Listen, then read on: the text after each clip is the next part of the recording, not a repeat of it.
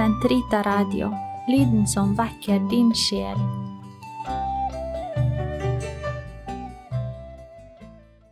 Kroppens teologi, en kommentar til pave Johannes Paul 2.s onsdagskatekeser av Eirik Ambrosius Stenhoff. Totus tuus ego sum, et omnia mea tua sunt, archipio te in mea omnia, prebe mi cor tum Maria. Episode 20 Kjærligheten i Guds plan Høysangen og Tobits bok Katekesene 108 til 117 Del 3 Tobits bok Kroppens språk og liturgiens språk Katekesene 114 til 117 Helt til slutt i denne episoden skal vi se på pavens refleksjoner over Tobits bok, som følger umiddelbart etter refleksjonene over Høysangen.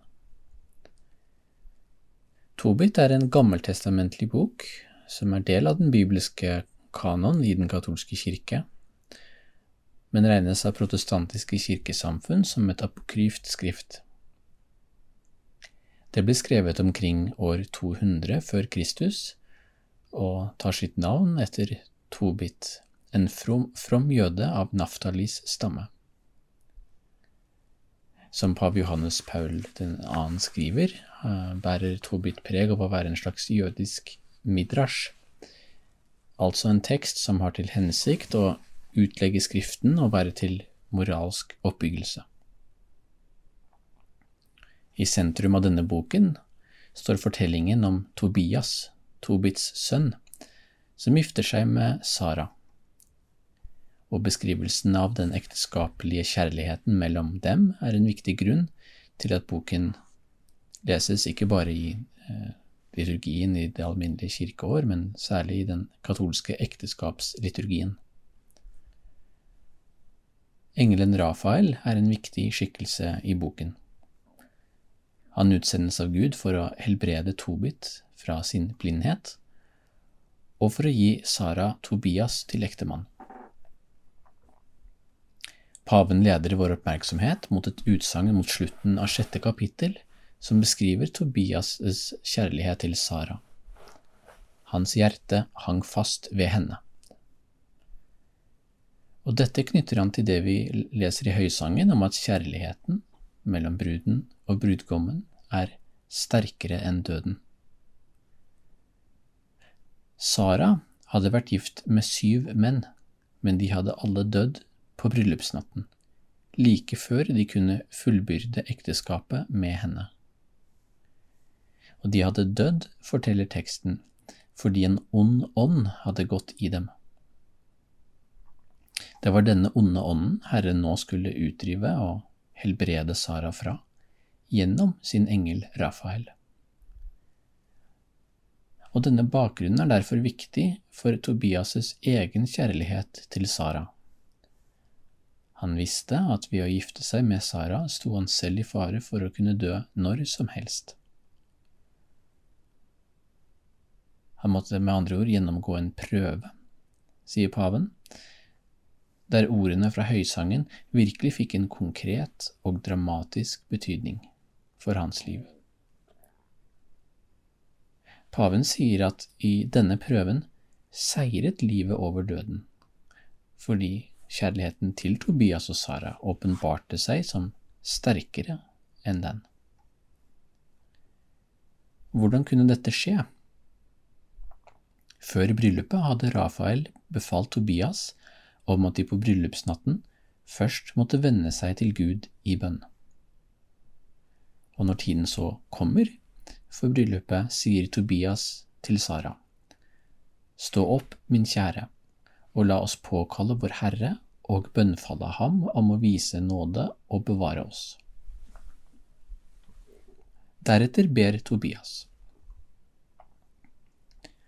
Lovet være du, våre fedres Gud, og lovet være ditt navn, fra slekt til slekt i alle tider. Himmelen og hele ditt skaperverk skal lovprise deg til evig tid. Det var du som skapte Adam og ga ham hans hustru Eva, som hjelper og støtte. Menneskeslekten stammer fra dem. Det var du som sa det er ikke godt for mannen å være alene. Jeg vil gi ham en hjelper, en som er hans like. Nå tar jeg denne min kjære til hustru, ikke av uren lyst, men av et udelt hjerte.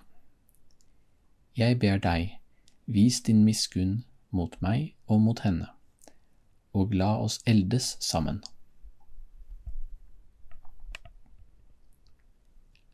I denne bønnen ser vi en ny dimensjon ved kjærligheten, som etter pavens oppfatning ikke fanges opp i høysangen.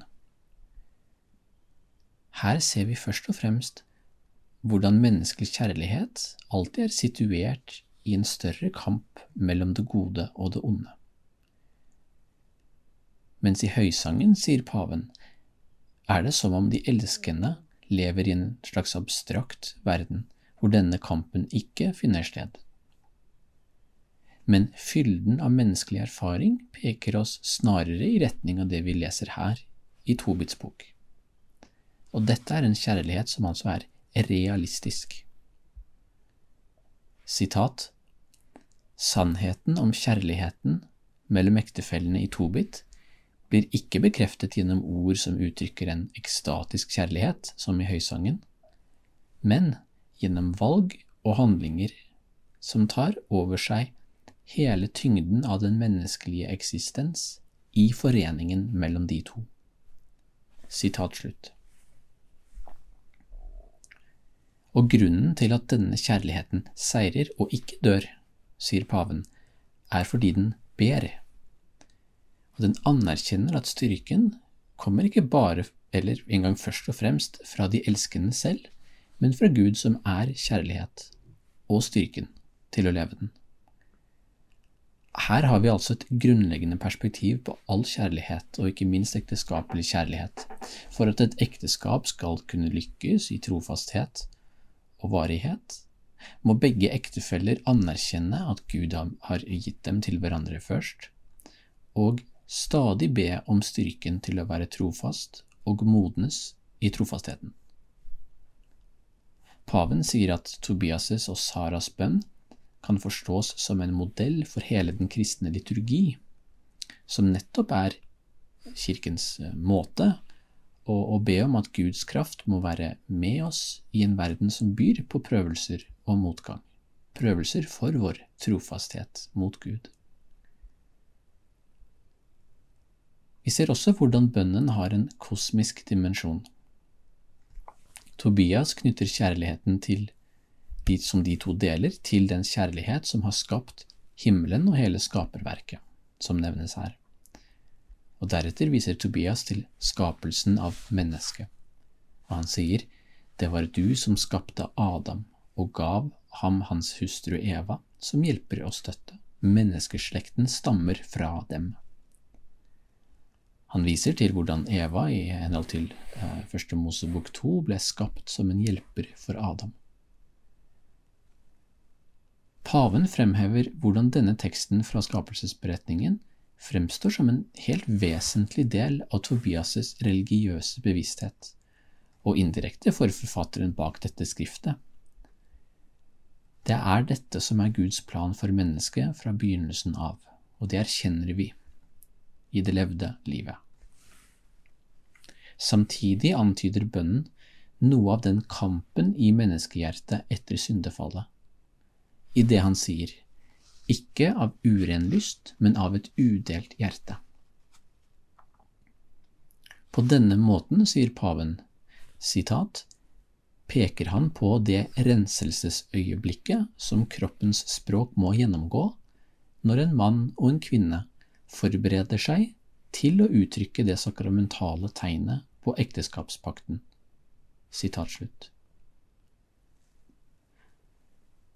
For å kunne tale kroppens språk slik kroppen er ment til, eh, må ekteparet virkelig komme til en moden og eh, lutret eh, bevissthet om hva kjærligheten deres for hverandre faktisk betyr. Og dette vil paven si noe mer om mot slutten av katekesene, i skildringen av det han kaller for en ekteskapelig spiritualitet. Og det er i realiteten det som ekteparet gir uttrykk for i Guds nærvær ved ekteskapsinngåelsen. På denne måten kan kroppens språk virkelig bli et liturgiens språk, sier paven. For i ekteskapet er det ektefellene selv som inngår og lever ut den sakramentale realiteten, som er et virksomt tegn på Guds egen kjærlighet. Bønnen avsluttes med et løfte om trofasthet. Jeg ber deg, vis din miskunn mot meg og mot henne, og la oss eldes sammen. Og det blir klart for oss her at Tobias og Sara betrakter sin kjærlighet langt fra som et selvrealiseringsprosjekt mellom to, slik vi har en sterk tendens til å gjøre i vår kultur. Nei, det er først og fremst et kall fra Gud. De erkjenner at de trenger Guds miskunn, ikke bare innledningsvis, så å si, eller ved ritualet, men hele veien og helt til de blir gamle og dør. Og det er jo dette som det katolske ekteskapsritualet uttrykker, i det begge parter sier ved eh, inngåelsen av ekteskapet. Jeg tar deg til ekte og lover å elske og ære deg, være deg tro og bli hos deg i gode og onde dager, inntil døden skiller oss ad.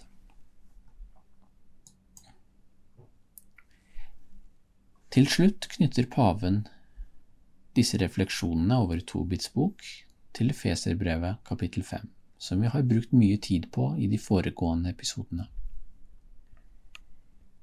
I Efeserne 5, eh, vers 28, heter det at mennene skal elske sine hustruer som sitt eget legeme. Den som elsker sin hustru, elsker seg selv. Og dette språket karakteriserer paven som personalistisk, akkurat som han gjorde det med skapelsesberetningen i Første Mosebok kapittel to. Det peker på den personlige realiteten i den kjærligheten som beskrives her. Paven oppsummerer dette som følger, det er et avsnitt som syntetiserer mange av hans anliggender i denne delen om ekteskapssakramentet og tegndimensjonen. Sitat Kjærligheten gjør i en forstand det andre jeget til ens eget jeg. Gjennom kjærlighet blir hustruens jeg så å si til ektemannens jeg. Kroppen er uttrykket for dette jeget. Den er basisen for dets identitet. Foreningen mellom ektemann og hustru uttrykker seg også gjennom kroppen, gjennom det gjensidige forholdet. Og kjærligheten forener ikke bare de to subjektene, men den lar dem trenge inn i hverandre på en så gjensidig måte, slik at de også kan sies å tilhøre hverandre i en åndelig forstand, at forfatteren av Efeserbrevet kan slå fast. Den som elsker sin hustru, elsker seg selv. Jeget blir i en forstand du, og du blir jeg.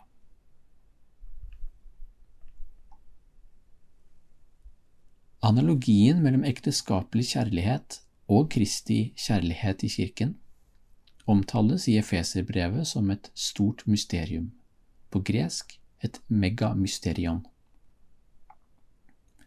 Mysteriet vil bare fullt ut realiseres i den kommende verden, hvor vi skal se ham, all kjærlighetskilde, som han er. Likevel er det altså ekteskapet mellom mann og kvinnen, og til og med menneskekroppen, som er utgangspunktet for analogien. Og det indikerer noe svært viktig, nemlig at Gud er opptatt av menneskelig kjærlighet. Han har skapt oss for å leve ut den kjærligheten, i pakt med sin plan for oss. Men hvordan skal den leves ut? Det vårt tilbakevendende spørsmål.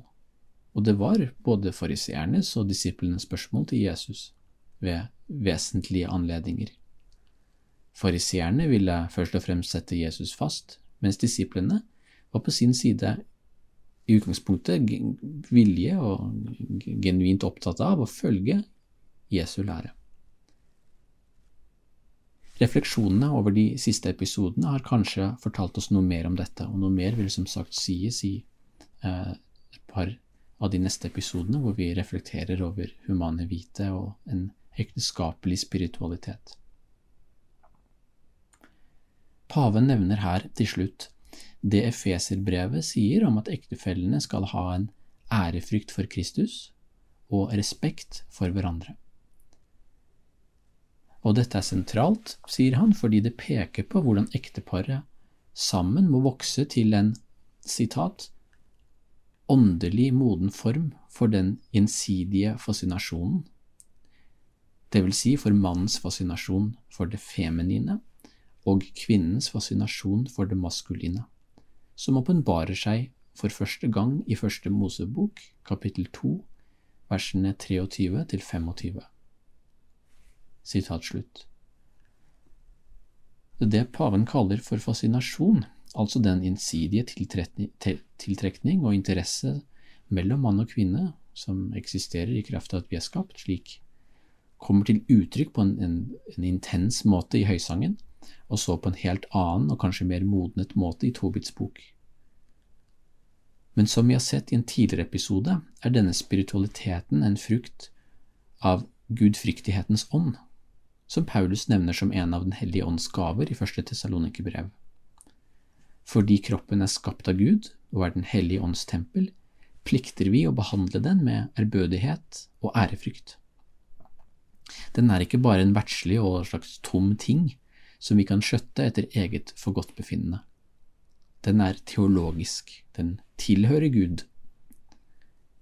Derfor må vi si at det ekteskapelige livet først og fremst må være et liv levd i Den hellige ånd, der vi søker å komme til stadig større modenhet og visdom gjennom Åndens gaver. I den neste episoden skal vi fordype oss i et viktig tema som har vært mer implisitt i de siste episodene, nemlig hvordan vi skal forstå sakramentalitet og tegnet i det hele tatt. Hva slags måte å erkjenne virkeligheten på er dette? Og som vi skal se, har vi særskilt dårlige forutsetninger for å skjønne dette i vår egen tid. Men det er vår overbevisning, og det er nok i tråd med pave Johannes Paul 2.s intuisjon, at for å kunne gjenreise ekteskapets og kroppens og hele menneskelivets ære, må vi først lære å se dem som et tegn på en virkelighet som overskrider rent naturvitenskapelige og empirisk målbare fenomener. Og det vil være vårt anliggende til slutt i denne delen. Gloria patri et filio et spiritui sancto, sicut erat in principio et nunc et semper, et in secula secolorum. Amen.